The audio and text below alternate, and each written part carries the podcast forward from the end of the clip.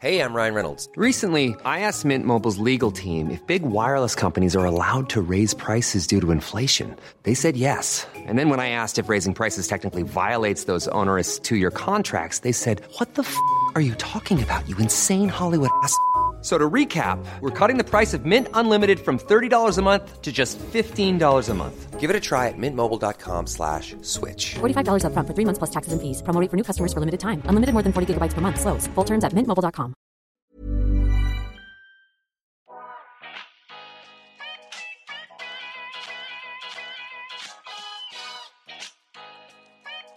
Välkommen till En timme med där jag, Sanja Tegeltia, träffar människor som inspirerar mig, som delar med sig om sina karriärresor, sina motgångar, om självutveckling och hur de har kommit dit de är idag. Dagens avsnitt är ett samarbete med Volvo On Demand. Detta är alltså en grym tjänst som jag personligen använder och du har en bil klar på bara några minuter utan att faktiskt äga en bil, vilket jag älskar. Så jag tror verkligen på att framtidens bilanvändande innebär att man inte kommer att äga en bil. Vi måste tänka på miljön. De har sjukt många elalternativ och med färre bilar på våra gator och mindre koldioxid i luften så gör vi mer plats för parker istället för parkeringsplatser. Och med deras tjänst Volvo On Demand så hittar du en bil bara 500 meter bort. Det enda du behöver göra är att ladda ner appen, skapa ett konto med BankID och boka din bil från en timme och framåt. Sen så är det bara att hämta och lämna din bil på samma ställe och telefonen är nyckeln så det är hur smidigt som helst. Jag använder den när jag ska ut och springa vid vattnet ut från stan, vilket jag känner att jag verkligen behöver på helgerna. Eller när jag behöver åka till IKEA och storhandla. Ehm, ja, egentligen vad som helst. Jag älskar att inte behöva äga en bil. Ladda ner appen Volvo On Demand. I dagens avsnitt så träffar jag Pingis Hardenius.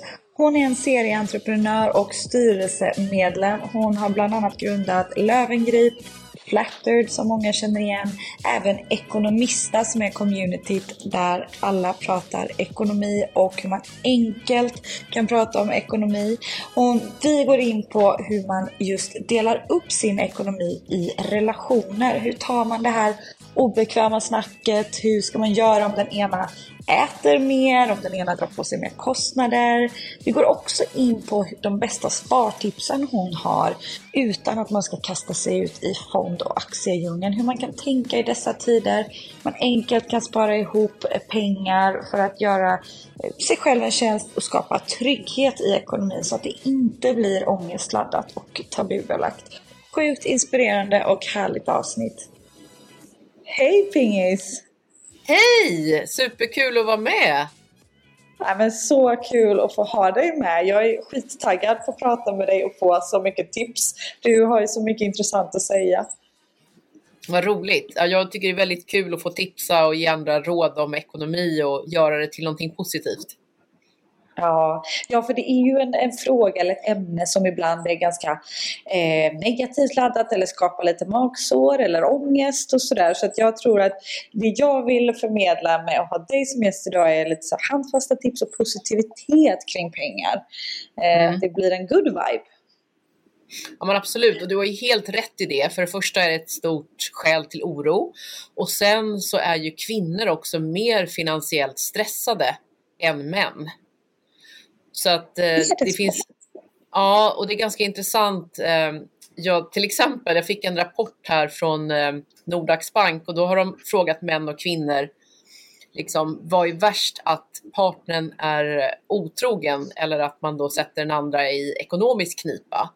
Och män känner sig ju så, enligt den här undersökningen då, så ekonomiskt trygga att de tycker ju att det är viktigare att, att ha en relation om man inte är otrogen.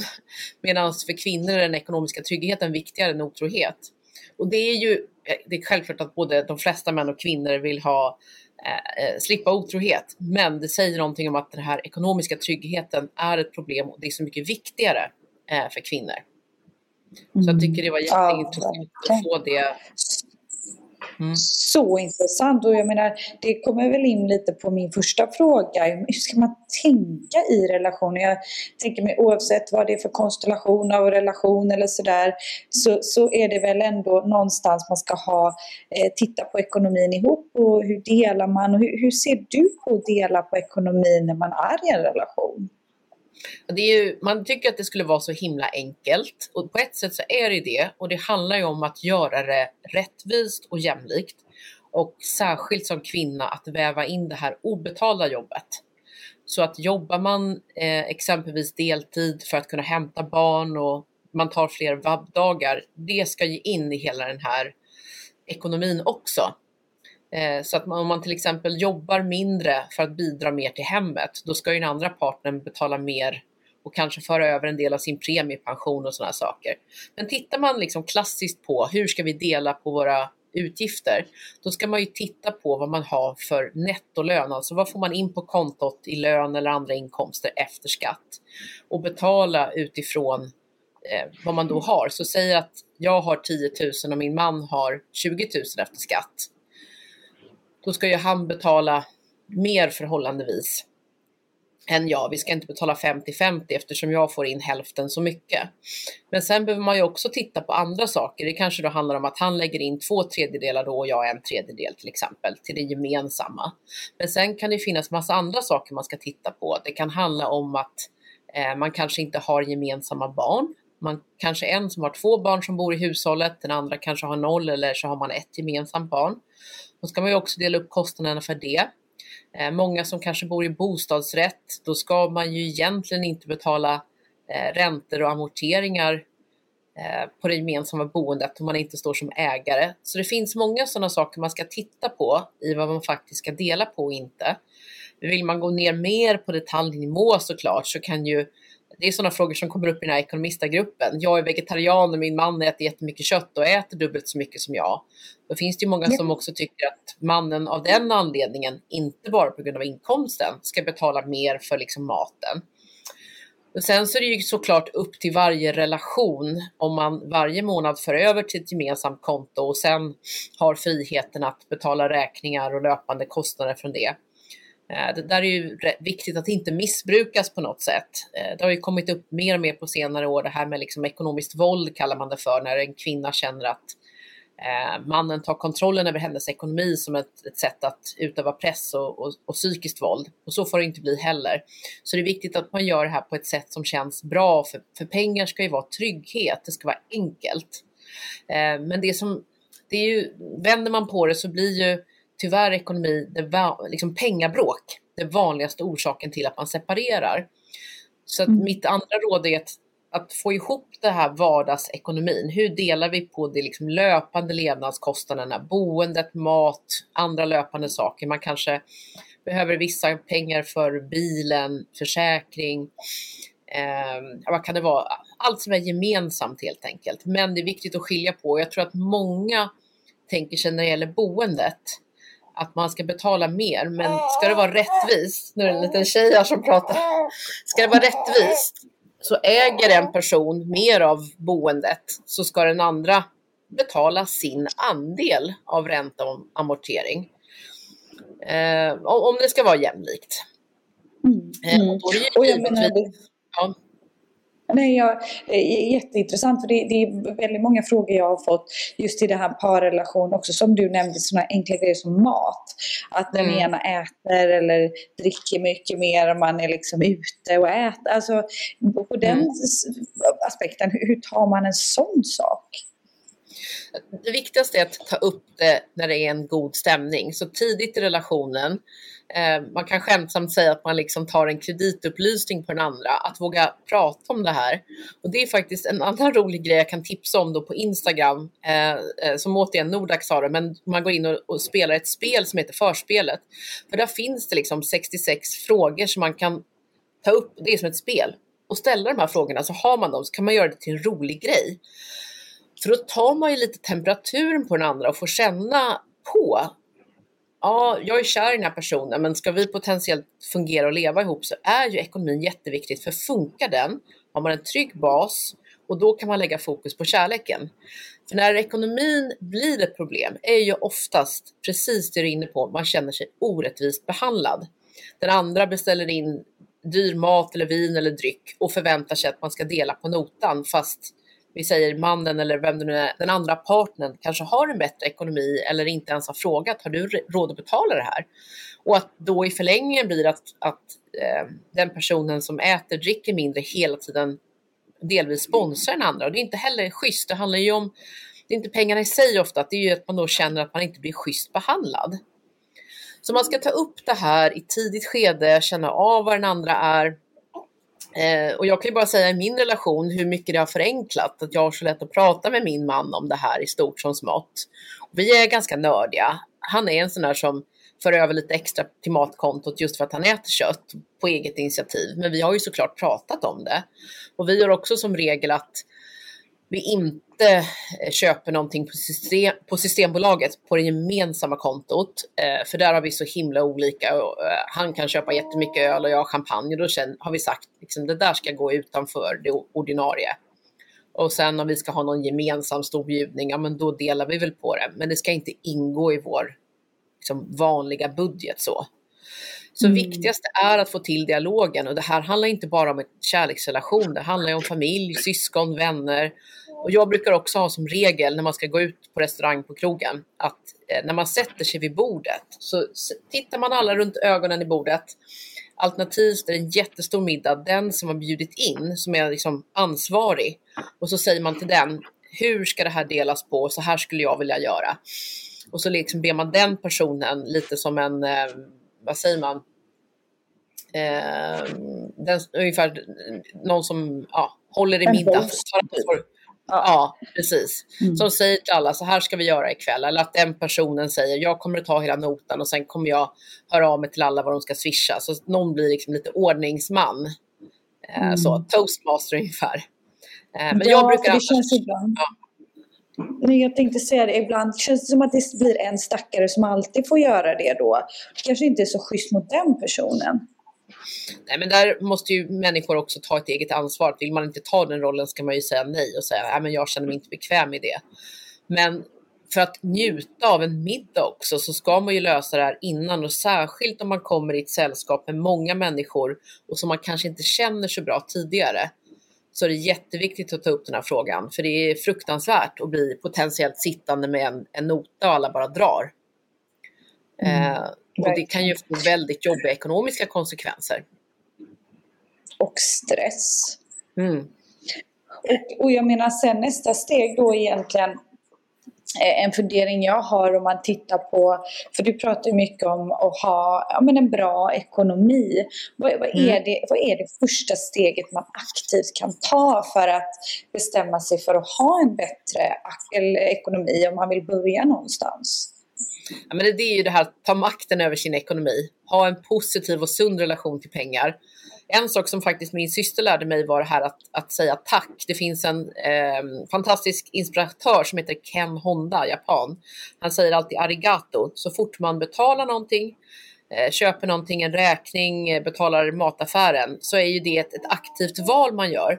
Och jag tycker att den här undermedvetna positiva relationen till pengar gör att jag får en bättre ekonomi. Jag har alltid mer pengar på kontot än vad jag har beräknat. Men det är ju att programmera sitt undermedvetna positivt. Men i det konkreta så är det ju att eh, se över sin ekonomi och göra en budget och hålla i den.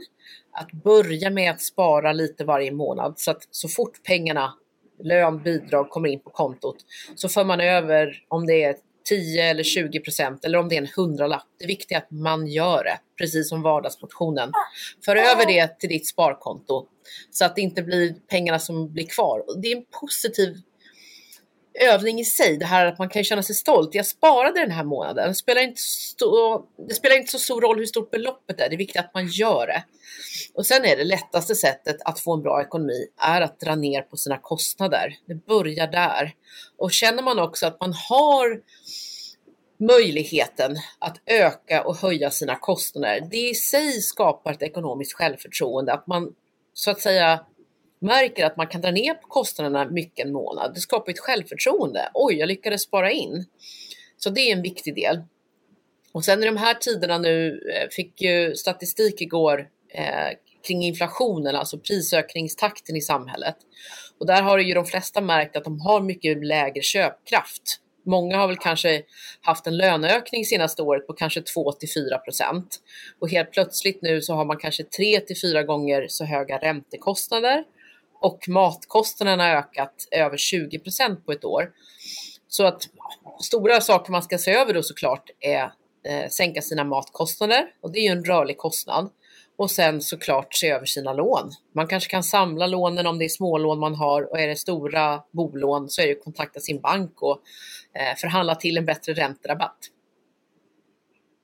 Ja, jättebra tips. Så, eh, för I dessa tider det är ju en enorm stress hos många just nu kring ekonomin eh, med, med höga räntor och sådär. Och, och att man inte riktigt kanske det blir överväldigande, man inte vet vart man ska dra in heller. Men hur viktigt är det nu i och med dessa tider att man faktiskt eh, eh har en buffert, att man sparar?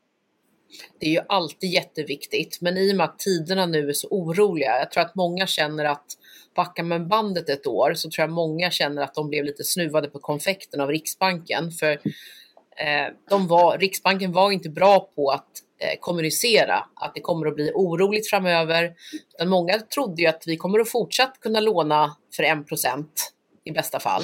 Så pengar var ju gratis och därför sitter ju jättemånga idag och kanske har köpt både ett permanent boende och ett fritidshus för att man kunde belåna sig så mycket. Så att eh, det har aldrig varit viktigare nu att ha buffert för att vi vet inte hur höga bostadsräntorna framför allt blir och vi är eh, i OECD eh, så är Sverige det mest belånade folket. Jag tror Danmark är lika illa, så vi har väldigt hög skuldsättning. Och det har ju varit de senaste tio åren, har ju varit, vi har ju liksom boostat nästan att, att belåna oss. Det har varit billigt, så att vi behöver mer än någonsin se över det. Och därför tycker jag att det bästa sättet i de här oroliga tiderna, man vet inte var eller kanske börsen är på väg. Eh, den gick jättestarkt i början av året. Nu har vi sett den liksom gå ner 5% nästan på en dag. Så att, eh, man ska heller inte gå in på börsen kortsiktigt, utan det är ju pengar man ska kunna avvara under lång, lång tid, helst till pensionen. Så bästa sättet nu är ju att amortera, för då får du också ner, får garanterat ner din låneskuld och det är ju ett omvänt sätt att spara. Men kan man så är det ju bäst att ha gärna tre månadslöner motsvarande efter skatt. Så får man ut, vi säger 20 000 kronor efter skatt varje månad, så försök ha 60 000 kronor på ett konto. Det är ungefär 20 procent av alla svenskar som inte klarar av en oförutsedd utgift på 12 000 kronor. Och det är alltså en femtedel av alla svenskar. Mm. Och 12 000 kronor, alltså, det är lätt att det bara är räntekostnader eh, från en månad till en annan eh, i det här Alltså det här med nu att, att räntorna ökar så snabbt i takt. Så att mer än någonsin behöver vi en buffert. Eh, så börja spara det lilla du bara kan varje månad. Få in beteendet. Och vad, vad vettigt sagt, just för att jag tror att inklusive mig själv nu när jag sparar så är jag så här, men gud, vad, vad ska jag lägga sparandet på? Det var väldigt intressant att säga amortering just.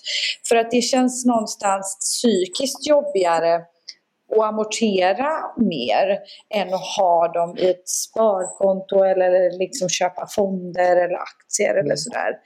Eh, men, men ditt tips är alltså att amortera av så att man är så pass skuldfri som möjligt. Jag tycker att själv har jag ungefär eh, fem månadslöner efter skatt på ett sparkonto som är tillgängligt liksom när som helst och sen sparar jag kontinuerligt i fonder.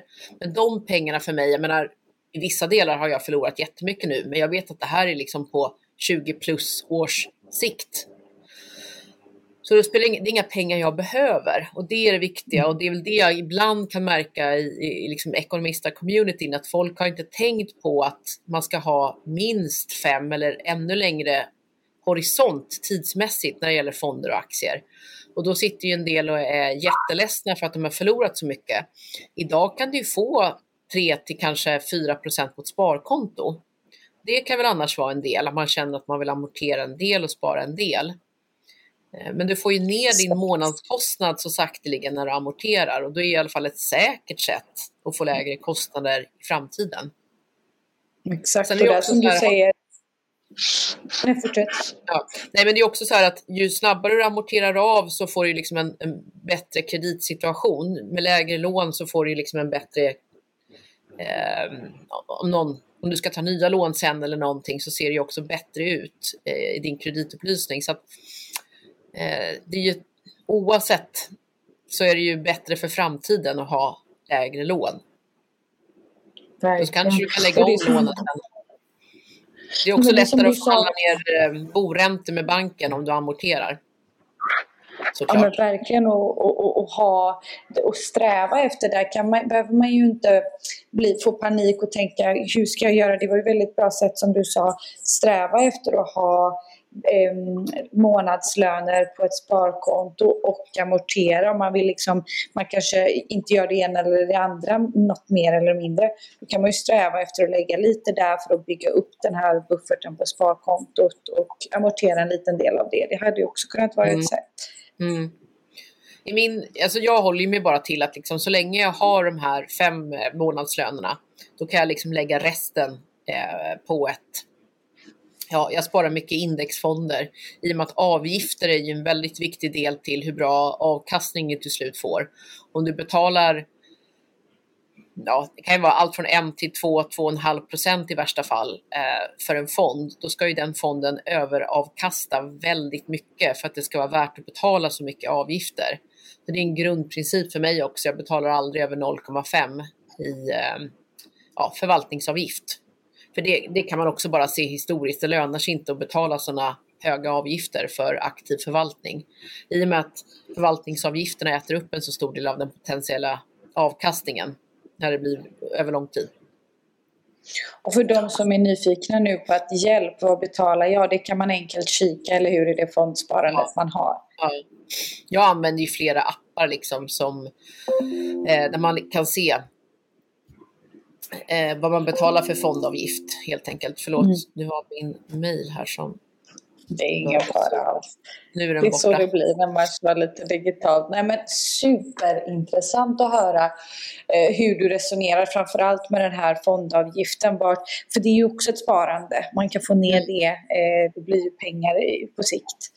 Um, och att jag tror att, som du sa, med långsiktigheten i fonder, att Eh, man blir, väldigt, man blir, man blir liksom förblindad på att man ska spara i fonder men man tänker inte att man kanske behöver de pengarna om två år, om tre år och så blir man jättebesviken istället för att glömma de pengarna helt. Och då kanske inte fonder är det bästa om man bara har möjlighet att spara en del eh, och kommer behöva pengarna inom kort. Ehm, som du sa, att, att vara beredd på förutsedda utgifter, då behövs det ju en buffert på ett sparkonto kanske. Nej, för det är ju på samma sätt om man har tänkt att man eh, till exempel har köpt en bostadsrätt eller hus eller radhus eller vad som helst.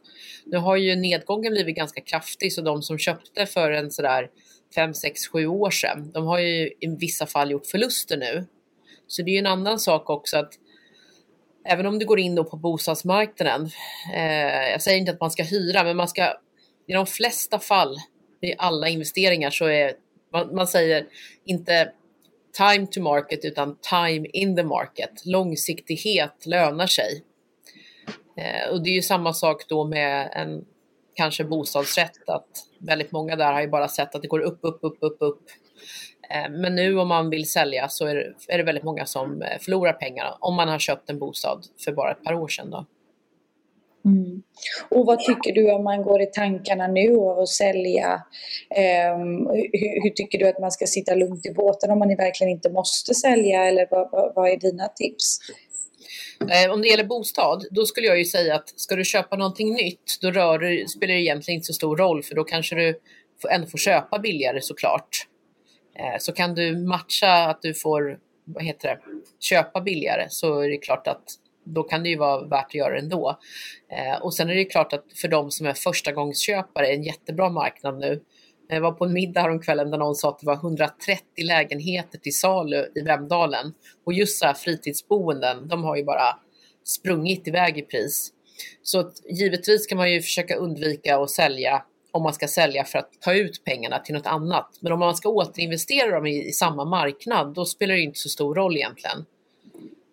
Eh, men där det är mycket psykologi också i sådana där saker, liksom, när man lägger ut och det är väl framförallt dyrare objekt som är svårare. Så att, potentiellt kanske man kan göra en bättre affär om man säljer ett mindre objekt och ska köpa ett större, för jag skulle gissa att då oftast, allt beror ju på, men med, med den marknad som är nu så kommer det ju ha varit större nedgångar på större objekt.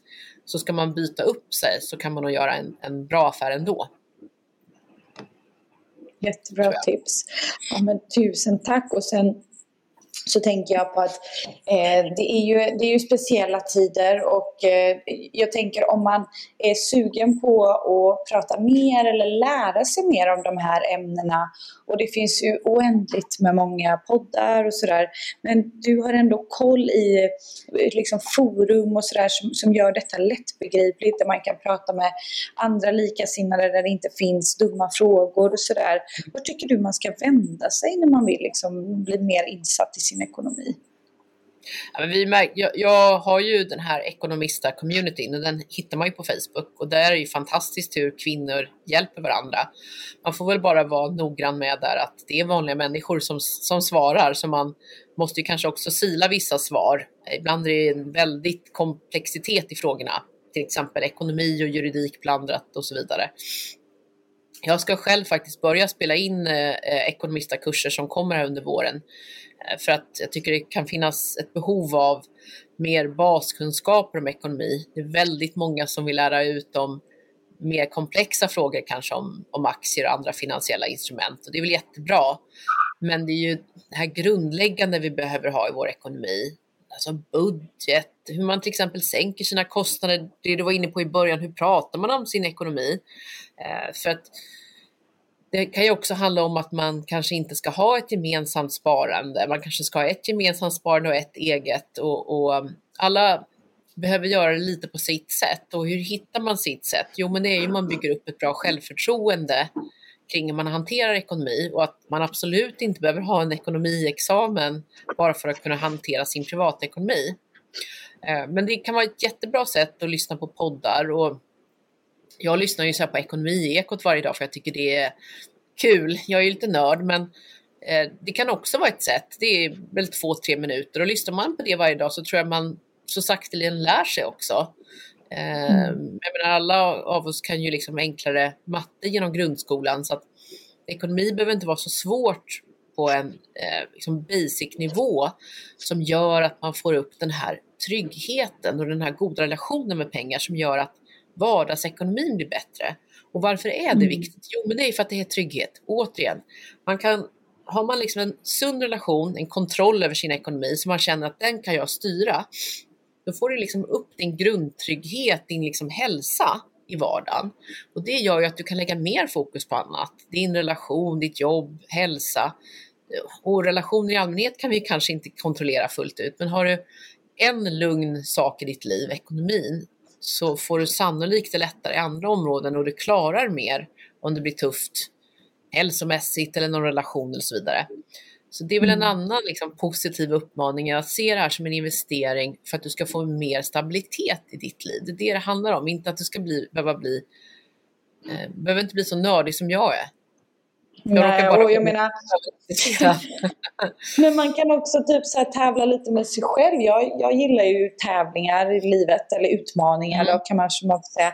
Och är väl inte alltid det bästa, men jag har hittat hur jag liksom hackar mitt eget psyke. Och det är egentligen typ så här, om jag har en budget och så försöker jag spara in per dag för att unna mig själv och ha lite extra bonuspengar och spendera på helgen kanske. Eller när jag mm. gör något trevligt så att inte dra det här, för jag, jag drar kortet på onödiga grejer. Jag blir sugen på en matchalatte. Och så tänker mm. jag att den faktiskt kostar 60 spänn idag. Alltså du vet, det blir så småköp som blir ganska stora köp. Men om man varje dag så här, men jag ska undvika att spendera idag, eller det här är mitt tak. Och så kanske man ändå inte ens spenderar sitt tak, då har man en liten bonus sen i slutet av veckan om man har sabbat ihop en pott. Eller typ sådana grejer kan man ju också, eller berätta det till sina vänner att här, men jag är peppad på att spara lite nu och att man kan få igång varandra lite så det blir inte som det här ångesttabut. Nu, det som är väldigt bra i de här oroliga tiderna som du är inne på, det är ju att folk har börjat våga prata om ekonomi. Alla ja. gör det nu plötsligt. Och det gör ju, jag tror att, som jag har hört under de här väldigt goda åren, då har många känt att alla har det bättre än jag och man ska ha råd med allting. Så att, att till exempel våga ta upp det här med hur ska vi dela på notan, det vågar man inte säga för att alla bara förväntas ha jättemycket pengar. Och helt plötsligt nu så drabbas alla av högre elpriser och inflation så att man börjar prata om det på ett annat sätt. Och det tror jag också är jättesunt, för man lär sig av det också. En annan viktig sak kring det här, varför ska jag liksom bli entusiasmerad av att spara? Det är ju att pengar skapar möjligheter. Att det här liksom buffertsparandet gör ju att man kanske kan våga säga upp sig från ett jobb man inte trivs. Eh, det kan vara att man har möjlighet att lämna en relation. Det blir ju fler och fler som inte har råd att separera. Och det sätter ju käppar i hjulet för hur man faktiskt vill leva. Och det hänger ihop med ekonomi och pengar. Så att ju mer ju snabbare man tar tag i det här, desto lättare får man att leva sitt liv. Och jag menar inte att man behöver ha liksom miljoner på banken. Det är ibland rätt så små summor att man framförallt känner att man har möjligheten att justera sina kostnader. Att man kan dra ner på saker. I ditt fall med din matchalatte, om vi tänker oss att du dricker sån ungefär varje dag, då är det 20 000 om året. Det är ett fint sparande liksom. Jättebra sparande. Och det är kanske inte liksom något som är jättebetydelsefullt. Eller om du skulle skaffa dig någon sån här take away-mugg istället och ta med dig det hemifrån. Eh, så har ju du då ganska lätt att spara upp ganska mycket pengar för liten mm. effort, så att säga. Verkligen. Och jag slår aldrig ut det per år. Antagligen för att jag inte vill se det. Och, och det var väldigt det... mycket pengar. Överslagsräkning. Eh, 60 gånger ungefär 350 liksom. Ja. Det blir någonstans drygt 20 000 kronor. Ja, ja så att, det är så viktigt att ja. se. Så att, och det är ju det är inte så att jag säger du måste avstå och äta middag liksom, eller eh, du måste gå en mil till jobbet. Utan det är sådana där saker man börjar med, för det är, om man vänder på det och säger hur kan du tjäna mer? Det kan ju bli mycket svårare om man redan nu känner att man har tufft att hinna med sitt heltidsjobb och man kanske har en, en satt löneutvecklingskurva. Men de flesta av oss kan dra ner ganska mycket på våra mm. kostnader och framförallt de rörliga. Men det går oftast att dra i allt. Eh, vi har till exempel i snitt eh, 2,2 abonnemang per person i Sverige. Kanske kan dela sig upp, ja men det är några hundralappar i månaden säkerligen, en 200, pang, där kan du spara 200. Eh, man, ehm, de flesta hushållen har 25 000 kronor i grejer som ligger och samlar damm. Och sen så mm. har vi ju liksom det här att se över sina lån och Eh, se över sina matkostnader och sen elförbrukning såklart. Använda mindre varmvatten och dra ner på värmen i bostaden är det som drar absolut mest. Liksom. Inte dra ut datorn eller dra ut några kontakter utan det är varmvatten och, och värme. Så det finns ganska många liksom, enkla grejer att, att, spara på. Och sen mm. så handla mat lite mer aktivt. Varor som har kort datum och extra priser och sådär. Ja, men så intressant, jag blir jätteinspirerad själv. Och en sista fråga som poppade upp som av rent egoistiska skäl, som jag mm. frågar nu medan jag har dig här, lyxen och ha dig live. Det är, min dröm har alltid varit sedan jag var liten och det här är kanske helt orelevant, men jag, jag frågar. Min dröm har alltid varit att tjäna pengar medan jag sover. Mm. det är liksom mitt långsiktiga mål. Vad har du för tips på hur man skulle kunna tänka för att kunna göra det någon dag? Ja, men det är alltså, passiva är inkomster. Ja. Det kan ju, dels kan det såklart vara att man har ett, ett bolag eller en verksamhet. Eh, det enkla exemplet är någon form av e-handel som säljer produkter och tjänster som kan vara öppen dygnet runt utan att man har personal. Det är ett enkelt exempel. Men annars så är det ju såklart ägandet i aktier och fonder som till exempel ger utdelning. Man mäter ju oftast det som direktavkastning, alltså utdelning i relation till aktiekurs, aktiens pris. Och, och, det är väl ett annat sparalternativ. Varför jag inte tog upp det var för att man behöver ju ha en lång tidshorisont. Jag menar, jag tror jag har suttit på mina hm aktier över tio år och jag skulle göra en stor förlust om jag sålde dem. Men de delar ut bra varje år, så jag får ju en, en som en ränta varje år på 5 till 8 procent. Och det har varit väldigt mycket pengar relativt sett de senaste åren när man har fått 0 procents ränta eller minusränta på sparkonto. Så man kan ju köpa aktier och få direkt eh, avkastning. Sen är ju det här att, att sälja grejer. Eh, jag brukar ju säga nu att liksom försök byta saker in, innan du säljer någonting. Men det finns ju många eh, sajter där du kan sälja dina saker, eh, alltså begagnade saker. Och det är ju också en sak som kan liksom säljas mitt i natten och ge passiva inkomster. Och sen är det ju klart att om du kan ha någon annan fiffig idé, vi säger att du spelar in en kurs eller någonting annat som en, en typ av service eh, som också kan ja. liksom bara det är ju det här att hitta någonting som säljer sig själv utan din insats eller att du gör en punktinsats en gång. Mm. Din podd är ju en del av det såklart. Om du får fler lyssningar bara, du har lagt samma tid på att spela in podden en gång. Men sen kanske du får betalt per lyssningar eller eh, att du får högre eh, pris på dina annonser säger vi. Om du eh, mm. har fler lyssnare bara. Så att många sådana mm. digitala mekanismer finns ju. Men annars ja, men jag Ja. Jag gillar men, att man är inspirerat där ute, att man kan försöka hitta olika möjligheter liksom. Eh, här och där. Nu nu om någonsin så är det här att köpa aktier eh, som har hög utdelning och det är oftast rätt stabila bolag. Alltså du tänker dig svenska banker, Volvo är ett sådant bolag som har hög direktavkastning. Men sen kan ju kursen gå upp och ner. Men sitter du på de där aktierna för jättelång tid så är det ju bolag som delar ut pengar varje år. Så det är en enkelt passiv inkomst. Men en fråga till dig då. Vad har du för mer liksom, eh, bra sätt att spara nu då? Vi sa matcha, ten eller latten. Vad mer kommer du på där du kan spontanspara? Alltså jag älskar ju selfie och arkivet där man kan lämna in. Mm. Jag älskar att sälja saker. Eh, och man sitter alltid inne på massa grejer för jag gillar att rensa och då blir det också en rolig aktivitet men också sen när det klirrar in i kassan. Sen så har man möjlighet och jag vet inte, det är många som kanske inte föreningar som inte godkänner att hyra ut bostad.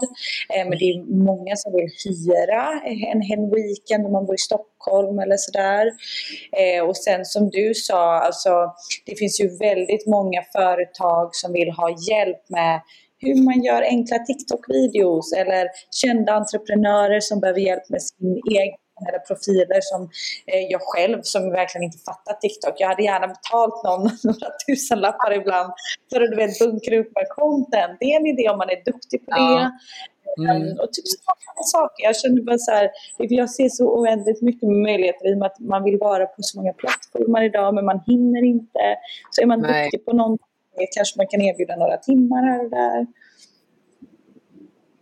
Men det är sant. En annan bra sak man kan göra nu, och nu kommer vi in i semestertider, det är att hyra ut delar av sitt boende. Kanske inneboende eller eh, man är bortrest, köra någon sån eh, Airbnb eh, att hyra ut i korta perioder. Och där får man ju också, gränsen ligger väl vid 50 000, sen behöver mm. du deklarera för det. Så att du kan ju ändå få in pengar. Ja, det är det ju verkligen. Mm. Så att det, det, det finns... Äh, men sen är det ju återigen viktigt, så här, det är ju en så perfekt grej att dela med vänner. Börja mm. liksom med en tipsslinga på liksom saker man kan byta, saker man kanske kan sälja till varandra och tips på liksom passiva inkomster eller nya inkomster. Särskilt om man mm. redan sitter på ett heltidsjobb. Och som du sa, handla efter säsong.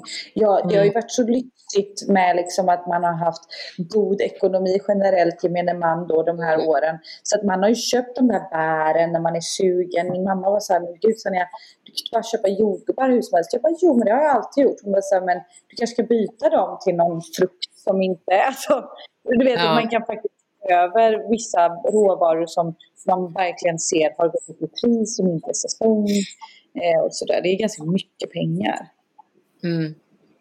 Jo, det enda som inte har gått upp i pris är päron. Du får byta, du får byta jordgubbarna till päron. Och paprika ja. ska du absolut inte äta. Paprika och purjolök har så gått upp 70-80 procent. Så Nej, det är mer purjolökssoppa. Uh. Ja, där kan jag stirra mig blind på att jag ska ha den här paprikan i en viss rätt. Men alltså ja. så här, nej, nej. Börja så här, titta och jämföra priser i matbutiken är så mycket pengar. Nej, det är alltså, om det är någon gång man ska gå in för sådana här liksom delvis fasta, vad det nu heter, periodic fasting mm. eller någonting. Ja, då ska man göra det nu, för liksom nu, alltså mer än någonsin har ju frukostmaten blivit så himla dyr. I snitt har det gått upp 40 procent på liksom så här kaffe, tänkte så här, mjölk, smör, ost och bröd. Helt Ett annat sätt att spara är ju att börja köra som periodisk fasta och sen äta mycket salladskål. Det har gått ner i pris. Så kan man ja, börja spara pengar och så um, det är också ett sätt att tjäna pengar. Gör videos där du tipsar om vad som är extrapris och liksom i säsong bara där fick jag en idé. Nej, men, Pingis med respekt av din tid. Jag vill tacka dig så mycket för så härliga tips. Tack! Eh, Kul att prata. Jätteinspirerande. Var, ja. hittar man dig om man är nyfiken och inte har koll på dig? Eh, nu ska vi se, nu var det en som vaknade här och sa att nu är showen över. Man hittar mig på Instagram lättast tror jag. Hadenius Pingis. Eh, eller LinkedIn. Pingis Berg Hadenius. Det är nog de lättaste. Eller så mejlar man mig på hadenius ekonomista.se. Ja, men tusen, tusen tack. Tack själv.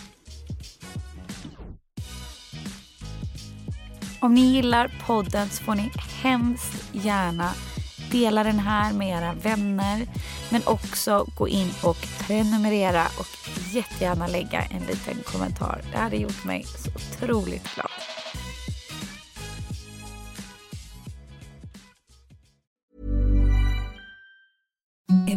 Softest sheets you've ever felt. Now imagine them getting even softer over time. That's what you'll feel with Bowl and Branch's organic cotton sheets. In a recent customer survey, 96% replied that Bowl and Branch sheets get softer with every wash. Start getting your best night's sleep in these sheets that get softer and softer for years to come. Try their sheets with a 30-night guarantee. Plus, get 15% off your first order at bowlandbranch.com. Code BUTTERY. Exclusions apply. See site for details. Hey, it's Paige DeSorbo from Giggly Squad.